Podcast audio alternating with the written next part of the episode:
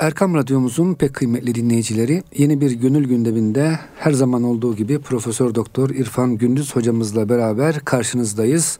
Hocam hoş geldiniz. Hoş bulduk. Bir hoş bulduk. Ramazan arası oldu. Başka programlar Evet. girdi araya. Evet. Tekrar hocam Mesnevi Bahçesi'ne geri döndük. Evet. Ee, inşallah muhterem dinleyicilerimiz Mesnevi'den güzel beyitler ve şerhleriyle beraber karşınızdayız. Hocam ne var gündemimizde Mevlana'dan? Bir defa değerli dinleyicilerimizin bize göre geçmemiş ama kendilerine göre geçmiş olan mübarek Ramazan bayramını tebrik ediyoruz. İnşallah evveli rahmet ortası mağfiret sonu da cehennemden kurtuluş ayı olan bu ayı nimetine nail olmalarını diliyoruz. Amin diyoruz hocam. Ramazan'da e, sen de biz de umredeydik elhamdülillah. Eyvallah Yeni hocam. döndüğümüz için. Dolayısıyla e, dinleyicilerimizin bu gecikmeyi normal karşılamalarını bekliyoruz. Eyvallah. Ayrıca Ramazan dolayısıyla da e, gönül gündemi programı yapmadık ama her gün sahur programı yaptık. Arkasından da dört tane ayrı gönül gündemi özel program yaptık. İnşallah dinleyicilerimiz e, müstefid olmuşlardır. Bugünkü e, Mesnevi'den, Mesnevi bahçesinden rahmet esintileri. E, gönül gündemimizin konusu zaten bu. Bu ikinci cildin başlangıcı 519. beyitten başlayacağız. Hocam birinci cildi bitirdik. Birinci cildi bitirdik elhamdülillah. Demek ki sabırla efendim devamla, ısrarla. Ancak tabi dinleyicilerimizin şunu bilmesinde fayda var. Bu Yahudi bir padişah. Efendim kendisi Yahudi olduğu için e, Hristiyanlık ortaya çıkmış. İsa aleyhisselam gönderilmiş ve Evet hocam. hızlıca da yayılıyor toplumda. Bundan şiddetle rahatsız olduğu için bu İsevileri, Hristiyanları ortadan kaldırmak için canhıraş bir mücadeleye giriyor. Bu zaten anlatıldı hep diğer beyitlerde. Buna veziri diyor ki padişahım diyor sen bu işte kendin direkt devreye girme. Ben devreye gireyim. Hem yumruğu ben yiyeyim. Sen kamuoyu nezdinde itibarını koru. Hem de ben her türlü melaneti Hristiyanları ortadan kaldırmak üzere kullanırım. Ki vezir de gerçekten böyle suya düğüm çalacak kadar mahir bir fettan bir adam. Bu e, 12 tane o Hristiyanların ileri gelenlerine hedef alıyor ki bu esasında bu Pavlos dedikleri adam. Muhtemelen, on- değil mi 12 hocam? kişiye 12 kişiye ayrı ayrı tomar yazıyor ama her tomarda bir doğruyu söyler ama sanki diğer bir tomar bunun zıttına, öbür tomar bir başkasının zıttına Hristiyanlar içerisinde bir iç tefrika meydana getirmek için onları birbirine düşürmeye çalışıyor. Hani girmeden tefrika bir millete onu top sindiremez. Toplu vurdukça yürekler onu top dindiremez. Şiiri var. Bu iç tefrikayı kullanarak Hristiyanları eritmeye, birbirleriyle mücadeleye, yok etmeye çalışan bir vezir.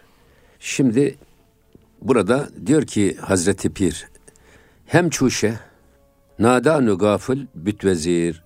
Aynı padişahı gibi diyor bu vezir de tencere kapak birbirine uymuşlar. Padişahı nasıl cahil ve gafilse vezir de öyle cahil ve gafil idi. Pençe mizet ba kadimi nagüzir. Halbuki hiçbir emri reddedilemeyecek mutlak otorite, mutlak güç, mutlak kudret sahibi bir Allah'a karşı e, onunla mücadeleye ve pençeleşmeye kalktı bu yüzden. Zaten cehaleti ve gafleti de buradan geliyor. Allah ile mücadeleye hangi kul, hangi faninin, hangi beşerin gücü yeter? Hocam Don Quixote hikayesinde olduğu gibi Evet, yel evet. değirmeni bile Evet. insanı yenerken siz e, bu alemin kainatın sahibiyle Yani, tabii nasıl yeneceksiniz? mücadele ediyorsunuz. Çünkü neden böyle söylüyor? Yani peygamberlerin gelişi toplumsal bazı ihtiyaçları, efendim zamanın bazı e, problemleri dikkate alınarak gönderilir. Bunu takdir yetkisi tamamen Cenab-ı Hakk'a aittir. Şimdi bakıldığı zaman Hazreti Adem'le başlayan ve Efendimiz Aleyhisselatü Vesselam'la biten bir peygamberler silsilesi var. Bir zincir, bir halka. Fakat hey peygamberin yaşadığı döneme bakıyorsunuz bir peygamber gelmiş. Fakat peygamber göçmüş. Göçtükten sonra onun kitabından ve yolundan sapma da başlamış, artmış. Azgınlık artmış. Bu sefer e, o toplumun azgınlığını efendim gidermek ve ıslah etmek üzere bir başka peygamber gelmiş. Buradaki toplumsal ihtiyaçlara bakıldığı zaman diyelim ki Hz. Musa aleyhisselam zamanında en geçerli akçe nedir? Büyü, sihir. Zaten kabbala filan var ya e, o tılsımlar, şifreler, şunlar bunlar Hala devam ediyor hocam. devam ediyor. Dolayısıyla o zaman Hazreti Musa aleyhisselam o Firavun'un ve o zamanki Beni İsrail'in sihir ve büyüsüne karşı bir asasıyla meydan okumuş. Onların tüm ejderhalarını, tüm sihirlerini bir çırpıda yok etmiş Evet. bir peygamber. Mucizesi böyle, böyle geliyor. Hazreti İsa Aleyhisselam zamanında tababet çok ileri. Kalinus var, efendim başka bir tıpta ileri gelen adamlar var, var var. Ve bu insanlarda bir gurura sevk ediyor. Bak Allah ya da insanların tüm hastalıklarını tıp tedavi ediyor. Artık Allah'a ihtiyaç yok der gibi. Bugün de hocam ya da azaldı var. der Tabii. gibi bir anlayış ortaya çıkıyor. Ama Hazreti İsa Aleyhisselam tıbbın aciz kaldığı hastalıkları bir dokunuşuyla, bir bakışıyla tedavi ediyor. Ölüleri diriltiyor. Kötürümleri yürütüyor. Körlerin gözünü açıyor. Deri hastalıklarını En, tedavi en ediyor. dev, devasız dert gibi gözüken pek çok hastalıklar onun bir el sürmesiyle şifa buluyor. Burada da yine bir meydan okuma var. Peygamber Efendimizin zamanında da fesahat ve belagat o kadar ileri gitmiş ki Arapla zaten şiir yarışmaları yapıyorlar. Müthiş şairleri var. Ve Kur'an-ı Kerim aslında fesahati ve belagatıyla da bir ilahi bir mucize. Kur'an-ı Kerim geldiği zaman muallakat-ı sebadaki askıda bulunan o muallakat-ı seba diyorlar. Yedi tane şiir asıl Kabe'nin duvarındaki. duvarında. Evet. Onları kaldırıyorlar. Diyorlar ki ümmi bir peygamber olan Muhammed'in getirdiği bu fasih ve beli ifadeler bulundukça bunun yanına başka bir şey asılamaz. Eyvallah. Yani meydan okuyor. Daha sonra Kur'an-ı Kerim'de de Cenab-ı Hak hadi eğer siz samimiyseniz doğru yolda iseniz buyurun bunun bir ayetini bir suresini onun bir benzerini e, getirin. Bunun içinde şairler çıkıyorlar. Kur'an yazmaya kalkıyorlar. Kur'an'a efendim nazire yazmaya çalışıyorlar. Fakat bakıyorlar ki olmuyor ve hepsi de hakkı teslim ediyorlar. Bu beşer sözü olamaz. Hocam el fiilü mel fiilü ve ma edrake Ya mel el fiilü. gariatı mel gariatı. Fil nedir sen fili bilir misin? Onun Evet, uzun kuyruğu vardır, Evet. burnu vardır diye böyle hocam e, saçma sapan yapmışlar hocam da tabii Ama burada- herkes gülüp geçmiş. Tabii ama burada insanoğlunun iki tane en büyük düşmanından bahsediliyor. Bir tanesi cehalet, birisi gaflet. Padişah nasıl gafil ve cahilse, cahil idiyse ki zaten cahil olmasa Allah'la kavgaya kalkar mı bir adam? Gafil olmazsa böyle bir şenaete, böyle bir denaate, böyle bir alçaklığa cüret edebilir mi? Demek ki cehalet ve bilgisizlik bak. Ya da gaflet, habersizlik. Bunlar insanı hangi yollara itiyor? Hangi konumda olursa olsun hiç fark etmez. Her insan cehalet ve gafletle Allah'a karşı isyan edebilir. Allah'ın gösterdiği çizgiden sapabilir. Allah korusun. Dolayısıyla şimdi cehaleti bilgisizlik diyoruz. Bir Arap atasözü var. Benim çok hoşuma gider. Bir adam bilir. Bildiğini bilir. O adam alimdir. Ondan istifade ediniz. Evet. Bir adam bilir ama bildiğini bilmez. Bu adam gafildir. Onu ikaz ediniz. Bir adam bilmez ama bilmediğini bilir. Bu cahildir. Onu öğretiniz. Bir adam bilmez ama bilmediğini bilmez. O adam haindir. Ondan kaçının. Eyvallah hocam. Bilmediğini bildi, bildiği diye zanneden, yanlışlarını doğru diye çevresine takdim eden ve sapık fikirlerine taraftar toplamaya çalışan adamlar bunun en güzel göstergesidir. O yüzden Cenab-ı Hak bizi cehaletten ve gafletten korusun. Şimdi cehalet nedir dediğimiz zaman bir defa din ilim işidir. Hatta bizim sufi müfessirler ve ma halaktul cinne vel inse illa liyabudun. Biz insanları da cinleri de yalnızca bana kulluk etsinler diye yarattım buyuruyor Cenab-ı Hak. Evet. O liyabudunu liyarifun diye e, yorumluyorlar. Tanısınlar. Beni diye. tanısınlar, bilsinler diye. Bilgisiz din olmaz. Hani ilimsiz din kör, dinsiz ilim topaldır derler ya. Evet hocam. O yüzden din bilgiyle olur. İman bilgiyle olur. Bilerek olursa iman olur. O zaman o iman, iman hani ilmel yakin, aynel yakin, hay hakkel yakin diyoruz ya. Bilerek inanmak. İçindeki tüm tereddütleri, tüm soru işaretlerini giderip 24 ayar böyle dört dörtlük her türlü şüpheden azade bir iman. İmanı kamil dediğimiz o zaten. Evet. Nedir bu iman? Benim kanaatim şu. Hey Rabbim, bundan böyle ben kendi canımın istediği gibi değil, kendi irademe göre değil. Senin iradene, senin mutlak kudretine göre hayatımı yaşayacağım.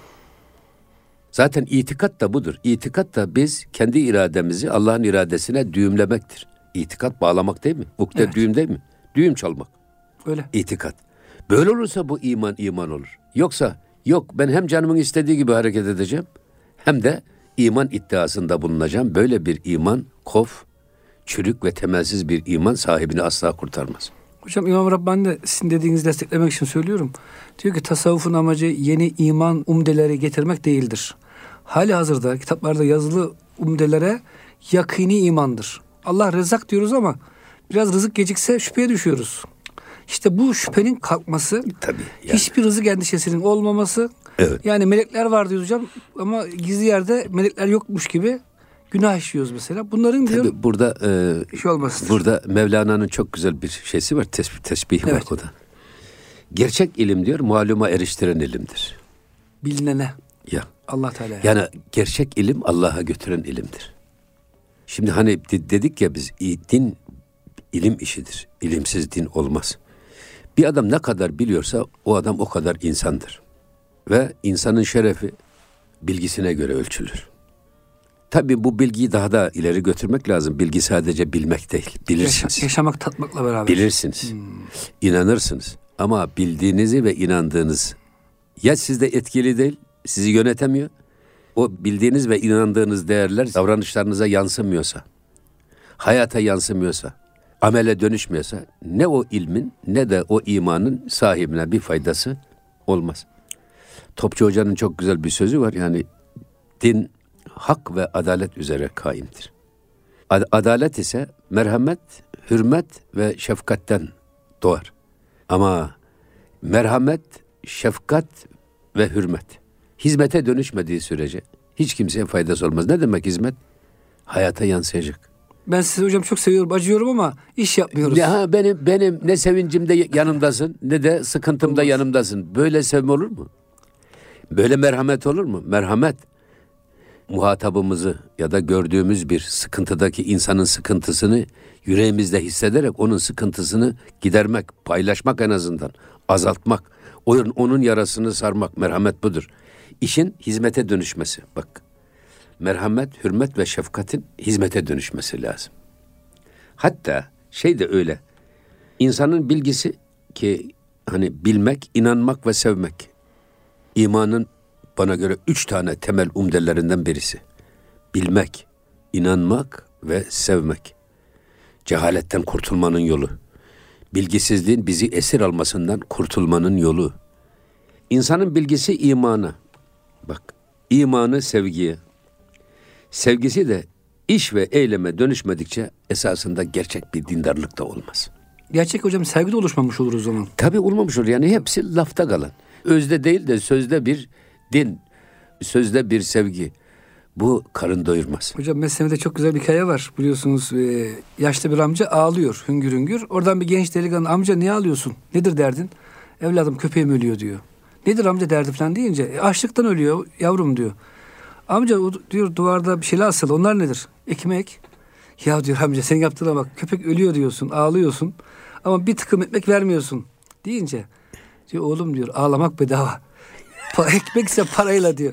Şimdi hocam yani tabii Mevlana Hazretleri çok uç örnekler verir böyle. İnsanı da o- ama- güldürür. Ama, ama, güzel tabii. Yani köpek ölüyor açlıktan veya bir ümmetten bir insan ölüyor. Sizin de fazla fazla var vermiyorsunuz hocam. Çok yani taaccüp ediyor. Tabii. Şimdi bu yüzden ikincisi de gaflet. Bak bu cehalet, bilgisizlik dedik ya. Evet. Onu beni bilsinler, tanısınlar kullarım diye ben insanları ve cinleri e, bana kulluk etsinler diye yarattım. Bu Kulluk, onu yarifu. Sevgi. Evet. Bu bilgi işi. İnsanlığın en büyük düşmanı cehalettir. İnsan bilmediğinin düşmanıdır. Bilirse bildiğinin düşmanı olmaz. Dolayısıyla biz bilgiye böyle kan gibi, hava gibi, nefes gibi muhtacız. Her insan mutlaka bir defa yaptığını da bilerek yapmalı. Söylediğini bilerek söylemeli. İnandığına bilerek inanmalı. Duyduğuna bilerek inanmalı ya da duymalı. Öyle değil mi? Cahilcesine duymamalı. Size iki tane diyor şey yani bir e, fasık size bir haber getirdiği zaman hemen inanmayın. Bak bugün biz Araştırın diyor. bu medya ve iletişim çağındayız. Bir adam oturduğu yerde masa başında bir şey yazıyor. Haber yazıyor. Aslı yok, asları yok. Bir insanı, bir kurumu, bir vakfı veya bir Şahsı. şahsı yaralıyor adam. Ama adam yazmış. Ve o gazetecinin okuyucularına ya da televizyonun dinleyicilerine ulaşmış bu. Sen nasıl bunun altından kalkacaksın? Gerçi hocam tekzip yapıyor ama tekzip yaptığın zaman belki okumayacak o yaptığın Ya tekzibi. kimse okumuyor. Bir defa Tabii. çamur attın, bulaştı, izi kaldı. Onun izini temizlemek bile mümkün değil. O yüzden hani duyduğumuzu bilerek duymalıyız diyoruz ya. Size bir fasık haber getirdiği zaman iyi araştırın. Araştırmadan kabullenmeyin. Hukukta da herhangi bir konuda hüküm vermek istiyorsanız tek taraflı dinleyerek karar vermeyin. Aksi halde yanlış karara varırsınız. İki tarafı da dinleyin. Sonra siz ortak hükmünüzü koyun. O zaman hakem olursunuz. O zaman verdiğiniz hüküm de sağlıklı olur. Biz de bugün her duyduğumuza inanmamamız lazım. Her gördüğümüze algı yanılgısı diyorlar şimdi. Algı operasyonları çok önemli. Amerika'nın kuvveti işgalinde bir şey gösterdiler orada. Karabatan. Karabatak. Şey, karabatak Hiç kuşları. olmazmış denizde o kuş. Koymuşlar onu. Varmış hocam bir şey de olmuş. Kuzey Antarktikler'de falan oluyormuş. Oradaki resimleri bir kazadan Aa, çekilen. Orada olmuyor ama. Orada tamam. olmuyor. Onu götürüp koyuyorlar. Tabii. Yani işte bak ne hale getirdi diye. Zavallı kuşlar. Ve bunu bile e, savaşa sempati kazandırmak, olumlu karşılanması için algı operasyon olarak kullanıyorlar. Gördüğümüze de, duyduğumuza da, söylediğimize de, yaptığımıza da bunlara çok dikkatli bakarak ve bilerek yapmak. İlim budur esasında. Ne yaptığımızın farkında olmak. Hocam zaten Kur'an-ı Kerim'in ilk emri oku. Evet. Yani en çok bizim okumamız lazım ama maalesef Ya. İslami kesimlerde de yani e, Müslümanlar arasında okuma oranları çok çok düşük. İkincisi de gaflet. Buyurun. Peki gaflet nedir? Dünya ne iş, ne kadın, ne alışveriş. Dünya, Mevlana'nın tarifi bu. Dünya seni Allah'tan alıkoyan, Allah'tan gafil kılan, habersiz bırakan her iş dünyadır diyor. Efendimiz Aleyhisselatü Vesselam, ey kalpleri eviren çeviren Allah'ım, sebbit kalbi ala dinike ve taatik. Bak benim kalbimi senin dinin ve taatinde sabit kademeyle. Kaymasın oradan. Fela tekilni ila nefsi. Beni nefsime bir an bile bak. ila nefsi tarfete aynin. Göz açıp kapayıncaya kadar kısa bir an içinde olsa beni nefsimin eline bırakma. Yani hocam gaflet şöyle diyebilir miyiz? İnsan bildiği halde unutuyor. Unutuyor. Yani Allah Evet. vardır, birdir, rezaktır, hep benimle beraberdir diyorsun ama öyle an geliyor ki ya burada Allah beni görmez. Ha. Şu haram işlesem ne olur? Tabii Kimse de fark işte etmez. bu şeyde Estaizu ve huve ma'akum eyne ma kuntum. Siz nerede olursanız olun Allah sizinle beraberdir. Doğru. Cenab-ı Hakk'ın beraber olmadığı yer, zaman yok. Zerre yok. Fakat burada esas problem biz Allah'la beraber miyiz değil miyiz? Ya da biz o Cenab-ı Hakk'ın bize şah damarımızdan daha yakın olduğunun farkında mıyız? Değil miyiz? Şuurunda mıyız? gönüllerden geçenleri, sinelerden geçenleri bilendir. Alimin bizati sudur tamam. Ama acaba biz bu işin farkında mıyız? İşte esas bir manada ilim de budur işte. Bunu Farkındalık bile- hocam, şuur farkında hali. olmak, şuur hali. Farkında olmak. Dolayısıyla gaflet de çok büyük tehlike. İnsanı Allah'tan habersiz kılan, Allah'ı unutturan her şey gaflet perdesidir. Bu perdeler çok olabilir. Çoğu zaman bu perdeler dışımızdaki perdeler değil. Belki de içimizdeki perdeler dışımızdaki perdelerden daha kalın. Efendim daha engelleyicidir. Mesela gözümüz görüyor. Şehadet parmağımızın ucunu göz bebeklerimizin üstüne koysak, bütün dünyayı gören gözümüz bir anda hiçbir şey görmez olur. İçimizden gelen bu heva ve heves var ya, efera eyten men ittehaze ilahehu heva. Heva ve hevesini ilah edineni görmedim. Nasıl olur heva ve heves ilah? Allah'ın dediğini değil de bize kendi dediğini yaptırırsa heva ve heves. Hem de Allah'ın emrine, peygamberin sünnetine aykırı bizi yönlendirir ve dediğini de yaptırırsa. işte o irade, o otorite ilahtır. Burada Cenab-ı Hakk'ın bütün Esma Hüsna'sındaki bütün sıfatlarını hepsini birden birisine vermek değil. Belki birisini bile bütünüyle vermek değil. Birisinin bir kısmını işte bizi yönetiyor mu? Yönetiyor. Yönetiyorsa, bize dediğini yaptırıyorsa, içimizde, gönül tahtımızda saltanat kurmuş. Efendim bizi kendi istediği gibi yönetiyorsa işte o ilah odur. Kelime-i tevhid bu yüzden la ilahe. Bak Başka ilah yoktur. Başka ilah yoktur. Hiçbir ilah yoktur. Evet içimizde ve dışımızda. Bizim üstümüzde etkili, yönetici, mutlak bir irade, mutlak bir otorite. Hatta zaman zaman Kur'an-ı Kerim'de bu sultan kelimesiyle ifade ediliyor. Hocam bunu saltanat. isterseniz e, ikinci şeyi alalım. Güzel Evet. bir konuya girdik. Evet. Yani ilah gerçek manada nedir? Evet. Onu inşallah biraz be- Evet. e, beklesin dinleyicilerimiz. Muhterem dinleyicilerimiz bize verilen sürenin ilk bölümün sonuna geldik. İkinci bölümde sizlerle beraber olacağız. Lütfen bizden ayrılmayın. Erkam Radyomuzun pek kıymetli dinleyicileri Gönül Gündemi'nin ikinci bölümünde sizlerle beraberiz. Çok güzel bir konuya girdik hocamızla beraber. Hocam tekrar hoş geldiniz. Hoş bulduk. Hocam uluhiyet konusu ki İslamiyet'in en temel e, mivher konusu hakikaten tevhid. Hocam tabi tasavvuf gerçekçi bir yaklaşımla insan üzerindeki Allah'ın emirlerini uygulattırmayan her gücü Tabii. ilah olarak görüyor. Evet. Ona aykırı bizi yöneten, yönlendiren güç, irade. Bu konuda benim en fazla beni etkileyen meşhur bu Tebük Savaşı ki Peygamber Efendimiz Aleyhisselatü Vesselam hiçbir savaşı cephesini gidilecek yeri söylememiş hiçbir cihat çağrısında. Onu bir kendi biliyor bir de Cenab-ı Hak biliyor. Savaş otoritesi olarak, e, savaş taktiği Stratejisi olarak. tabii Strateji. düşmanın eline istihbarat olarak gitmesin. Biz onları gafil avlayalım Hocam anlamında. biraz önce bilgi dedik ya. Evet. Böyle durumlarda bildirmemek Evet. Ee, güç.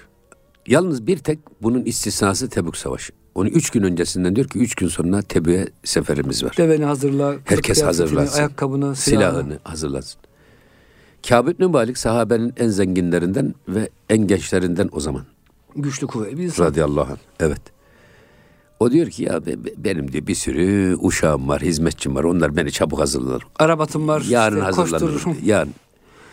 Yarın oluyor, ikinci gün oluyor. İşte hocam gaflet tam bu değil mi? Yani bildiği halde hani şeytan Bunda bunda bunda ilahlık var işte. Bak bak Hmm. ilahlık var. Başka bir ilah etkiliyor. Anlatabiliyor muyum? evet. Sonra e, gene ikinci günün tembelliği de geçiyor. Üçüncü gün diyor ki benim atım Arabat'ı diyor. Bu çevrenin en hızlı koşan atı. Hala onlar yürüsünler ben arkalarından yetişirim. Yetişirim. Ve katılamıyor. Peygamber Efendimiz Tebük'te ashab-ı kirama soruyor. Ya Kâb ibn Malik nerede? Onu göremiyorum. Sahabenin birisi diyor ki ya Resulullah Kâb ibn Malik çok zengin oldu. Muhtemel ki zenginliği onu gurura sevk etti. O yüzden bizimle beraber savaşa gelmedi. Bunun üzerine Muaz İbn Cebel radıyallahu anh diyor ki o sahabeye ya e, e, Kâb ibn Malik kardeşimiz hakkında ne kötü şeyler söyledin. Her savaşta bizle beraberdi. Vallahi ya Resulullah diyor biz Kâb'in hiçbir yanlışını görmedik. Eksikliğini de görmedik. Belki de buraya gelmesine mani meşru bir mazereti vardır. Gidince öğretmen lazım tabii. Ve Peygamber Efendimiz Tebük Savaşı'ndan dönünce ilk defa yine hiçbir cihatta önce evine gidiyor sonra camiye geliyor. Ama Tebük Savaşı dönü- dönüşünde mescide gidiyor. Önce savaşa katılamayanları çağırıyor. Nedir Onları mazeretiniz? hesaba çekiyor.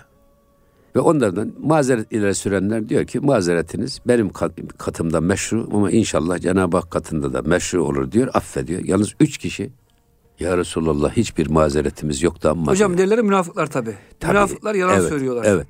Ama diyor üç kişi hiçbir mazeretimiz yoktu. Ama Allah Resulü'nün emrinde icra edilen Allah'ın Resulü'nün cihat çağrısına Üç gün haber katılmamak vermiş. gibi.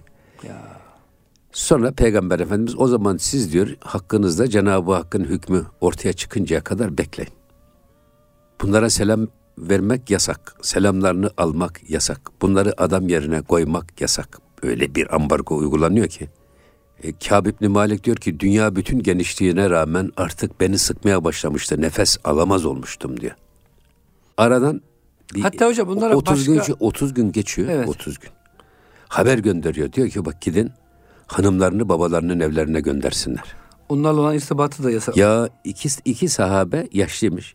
Onlar diyorlar ki ya Resulallah yani bizim kimsemiz yok bize hizmet edecek. Yaşlıyız zaten. Onlara izin veriyor. Tamam hanımları kalsın.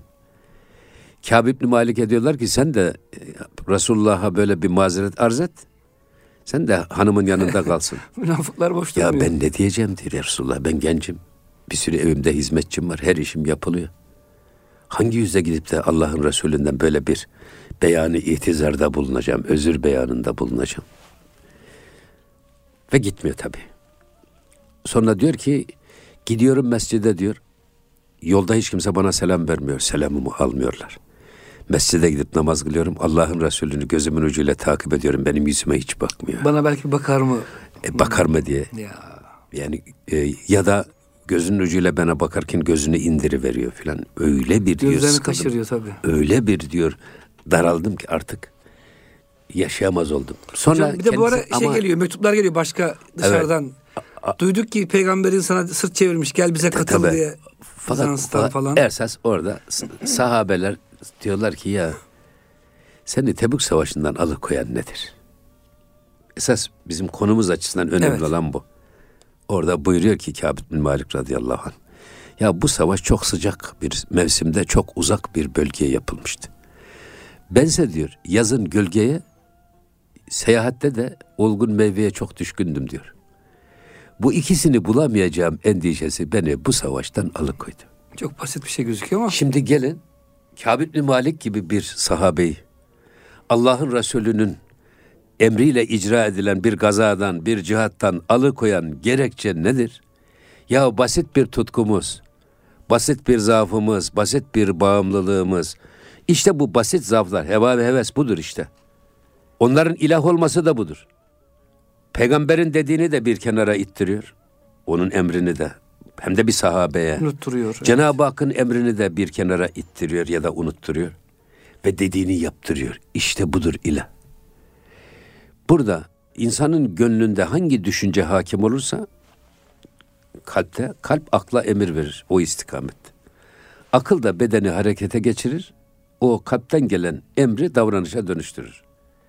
Eğer iyi bir, bir- bir insanı ahlaklı, kamil bir insan yapmak istiyorsak bunun başı esas o kalpteki e, hangi duygu bizim üstümüzde egemen ona bakmamız lazım. Bizi hangi duygu ve düşünce yönlendiriyor, yönetiyor? İşte ilah o. Bu ilah çok.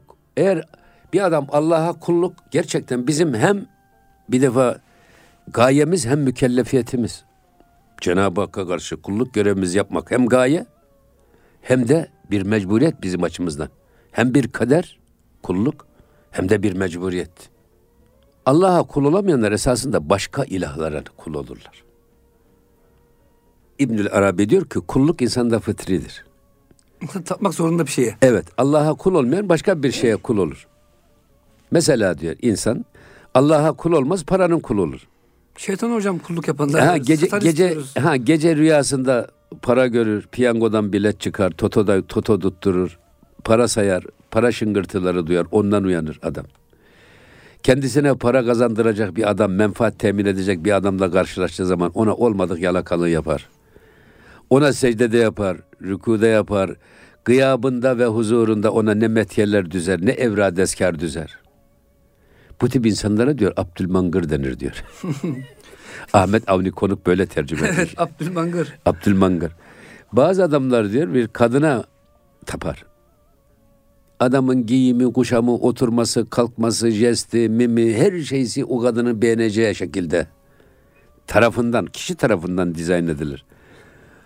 Gece rüyalarında, gündüz hülyalarında hep o kadın vardır. O kadının yolunu gözler. Onu gördü mü ceketlerini ilikler. Ne efendim rükularda bulunur, ne secdelerde bulunur. Yüzüne ne metyeler düzer. Arkasından ne kasideler yazar. Bu tip insanlara da Abdülmer'e denir diyor. Kadın. Kadının kulu. Bazıları da diyor e, makam ve koltuğun kuludur. Yani kendisine makam ve koltuk verecek makamda bulunan adamlara karşı her türlü şaklamanlığı yapar. Evradını, eskarını onlara okur. Huzurlarında, gıyaplarında onlara hep ne metyeler düzer. Neler söyler, neler söyler. Gece rüyasında onlarla konuşur. Efendim gündüz hayalinde hep onunla beraber olmak. Efendim onun gözüne girmek. Ve dolayısıyla bir koltuk kapmak. Bir terfi kapmak. Bu tip insanlara da Abdülcah denir diyor. Makam ve koltuğun kulu kölesi manası. Ki hocam günümüzde maalesef çok çok görüyoruz. bunları. Halbuki diyor ki bak diyor sen sen ol aklını başına al Abdullah ol. Allah'a kul olduğu zaman bütün ilahlara kulluktan kurtulursunuz. Ama Allah'a kul olamazsanız sizden o kadar çok kulluk bekleyen ilah var ki çevrede. Hangi birine yetişeceksiniz? Hangi birinin kulluğuna yetişeceksiniz? Bizim Necip Hoca'nın böyle bir şeysi var. Bir Vatikan'dan bir papaz geldi böyle. Necip Taylan hocamız. He. Teslis akidesi üzerine İslam kelamcıların düşünceleriyle ilgili doktora hazırlıyormuş. Bizim Necip Hoca dedi ki ya, ya papaz efendi dedi. Biz bir Allah'ın dediğinin altından kalkamıyoruz. Ulan siz üçünün altından nasıl kalkacaksınız dedi. Sonra papaz dedi ki ya benim bütün düşünce dünyamı Allah bullak ettin hoca dedi ya. Şimdi sen diğer ilahlar bir sürü ilah. Ya çocuğun, torunun, efendim hanımın, baban, anan bir sürü. Milletin, Dostum, ırkçılık, şu bu. Ya, Herkes senden Kulluk bekliyor ya. Kulluk. O yüzden Allah'a kul oldum adam gerçekten mutlak hürriyetine kavuşuyor. Allah'a kul olan mahlukata kul olmaktan kurtuluyor. En büyük özgürlük, en büyük hürriyet Allah'a kul olmaktadır. Gaflet esasında işte bu kulluğun farkında olmamaktır. Allah'tan habersiz olmak dediğimiz var. Kul olduğunu kabul ediyor Ya. ama farkında olmuyor çoğu zaman. Farkında olmuyor. Hayır, lafta kul tamam. Hepimiz kelime-i tevhid Eşhedü getiriyoruz. en la ilahe illallah diyoruz. Getiriyoruz. Ama bu yetmiyor. Gerçekten Allah irademizi Allah'ın eline teslim etmek esas kulluk budur. Kul olmak, köle olmak. Hocam Nedir? şimdi Ramazan ayını yeni daha idrak ettik. Ramazan geliyor. Allah oruç tutuyor. Ya Rabbi ben tutmayayım ya başkası tutsun. Ya. Zekat paranız var. Yıl Başkası versin. üzerinde. Ya Rabbi başkası versin. Benim param çok kıymetli. Namazı da başkası kılsın. Ama hacca beni gönderin demiş. Kim Hoca Bektaş'ım. Zekatı bana verin demiş. Allah Allah. Yani İslam'ın şartlarında menfaatine uydurmuş. tabii ya, uydurmuş. Hacca gideyim gezip, gezip geleyim. Tabii. zekatı Zekat da da bana verin bana verin. besleneyim demiş. Orucu ve namazı siz yapın diye. Allah'ım mesela. Burada bütün bu aslında bir de bu kof bir varlık iddiası, cehalet. Hele Benlik. bir adam cehaletinin farkında değilse, bilgisizliğin. Bir de gafletinin farkında değilse. Şimdi böyle çok adam görüyorum ben. Adamın düşüncesi yanlış, yaşantısı yanlış, gidişi yanlış, sözleri yanlış. Fakat bunları adam doğru zannıyla toplumda yayılması için mü- müthiş bir çaba sarf ediyor. Ben bunu şeye benzetirim. Biz yatılı okullardayken o zaman İmam Hatip'te okurken e, verem teşhisi konulan çocuklar olur. Ders zili çaldı mı en önde koşa koşa gidip yemekhaneye diğer arkadaşlarının tabağını yalayarak veremini onlara bulaştıran bu çalışan Allah Allah. ve sayısı çoğalarak kendi hastalığına da meşruiyet kazandırma anlayışı. Adam kendi çirkefliğini çoğaltmak istiyor. Herkes ben gibi olsun. diyor. Halbuki adam hem cahil hem gafil. Her şeysi yanlış. Ben şimdi öyle çok fetva veren adam görüyorum ki şimdi medyada, gazete köşelerinde. Fetva derken dini fetva değil. Bize yaşam koçluğu yapıyorlar. Yaşam tavsiyesinde bulunuyorlar. Efendim güya söylediklerini doğru diye bizi yönlendirmeye çalışıyorlar. Halbuki baştan aşağı yanlış. Adamda da biz tanımıyoruz ya. Nereye düzelteyim demiş hocam. Tabii böyle bir şey. O yüzden cahil cesur olur. Gafil de cesur olur. Mesela biz burada bir yırtıcı bir aslan var. Bundan haberimiz yoksa, gafilsek onun varlığından hiçbir şey yokmuş gibi geçersek oradan ne olur? Cesur. Gafil de cahil de çok cesur olur. O yüzden işte bu aynen padişahı gibi cahil ve gafir olan vezir. Hem hocam kötü padişahı kötüyü buluyor değil mi? hem veziri tabii. Ya. Tencere kapak. Bir de Allah'la pençeleşmeye kalktılar. Allah'ın gönderdiği peygambere, onun gönderdiği dine, onun gönderdiği kitaba karşı mücadele bayrağı açtılar. Hocam bugün de var nice böyle e, Yahudi veziri efendim padişahı Ay, gibi çok, Allah'a savaş çok, açan, Kur'an'a savaş çok, açan Çok. Allah ıslah eylesin hocam. Çok. Dua ediyoruz onlara biz yine Çok. de. Şimdi zaman zaman böyle yine gazete köşelerinde veya meydanlarda yürüyorlar bazen. Bedenime karışma, dokunma. Bu beden benim. Bedene kaç para verdin de aldın? He, şimdi Hangi ya- dükkandan aldın değil mi hocam? Yahu sen bedenini sen mi yarattın? Gö- gözünü sen mi verdin? Sen mi yaptın? Ya. Dili sen mi buldun? Bu bedeni, bu ömrü, efendim bu aklı sana kim verdi? Kaç para verdin? Eğer bunu biz kendimiz yaptıysak tamam tepe tepe kullanalım. Öyle mi? Elimizi de kendimiz yaptık, ayağımızı da kendimiz yaptık, hayatımızı da kendimiz efendim planladık. Her şeyimizi kendimiz yaptık. Öyle mi? Kendimi kendi kendimizi yarattık diyelim haşa. O Allah'a mahsus bir şey. O zaman istediğin gibi tepe tepe kullan. Yok eğer bizi ahseni takvim konumunda en güzel kıvamda yaratan Cenab-ı Hak'sa biz Cenab-ı Hakk'ın iradesine göre yaşamak zorundayız. Ve bedenimizi de, imkanlarımızı da, ömrümüzü de, gençliğimizi de, her şeyimizi Allah'ın istediği gibi kullanmak zorundayız. Canımızın istediği gibi kullanma keyfiliğine asla giremeyiz. Gerçek iman da budur işte. Ve Allah ile pençeleşmeye kalkan, mücadeleye kalkan sadece bu değil. Esasında içimizdeki nefsimiz, içimizdeki direnen duygular, direnen düşünceler, bizi iyilikten saptırmaya çalışan ki bu bir mücadele. Bu mücadelenin arenası yüreğimiz zaten. Hocam sizin işte o Firavun işesi var ya Hazreti Tabii. Musa ve Firavun. Tabii. İçimizde de var hocam. Tarihte de olmuş. Evet. Firavun ve Musa hikayesi. Şimdi buradaki o Cenab-ı Hakk'ın yüce kudretini ki izah ediyor Mevlana. Ama burada tabi hiçbir de, dediği reddolunmayan o kadim güç, o mutlak otoriteye karşı pençeleşmeye kalktılar. İkinci Mısra. 520. beytte bunu biraz daha açıyor. Nasıl yapıyorlar? Baçunan kadir hudayi kez adem. Saçu alem hest gerdanet bedem. Bu hem vezir hem padişah. Öyle bir kaderi mutlak, öyle bir yüce kudret ile, öyle bir muktedir otoriteyle mücadeleye kalkışmak istediler. Onun onun emrettiği yolu kesmeye çalıştılar ki o yüce kudret saçu alem hest gerdanet bedem. Bugün gördüğümüz bu alem gibi yüzlerce alemi bir anda yaratabilir. Yok da edebilir. Yok da edebilir. Ve in yemseskallahu bi durrin fela kâşife lehu illahu. Eğer Allah bir kuluna bir şer murad ettiği zaman onu engelleyecek hiçbir güç yoktur. Yok hocam. Ve men yuridke bi hayrin fela rahte li fazli. Bir kuluna da hayır murad etti mi onu da engelleyecek hiçbir güç, hiçbir otorite yoktur. Yusibu bihi men yeşâ min ibadi. İstediği şerri, istediği hayrı, istediği yerde, istediği zamanda, istediği kuluna Verir. eriştirme gücü sadece ona aittir. O zaman ve huvel gafurur rahim. Ona sığının. O gafurdur.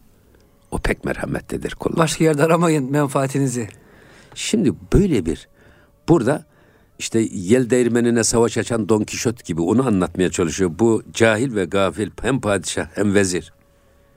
Ne cehaletlerine bakarak ne de gafletlerine bakarak cirimlerine bakmadan bir anda gözümüzün gördüğü bu dünya gibi yüzlerce dünyayı bir anda yaratabilecek o mutlak kudrete karşı savaş açtılar.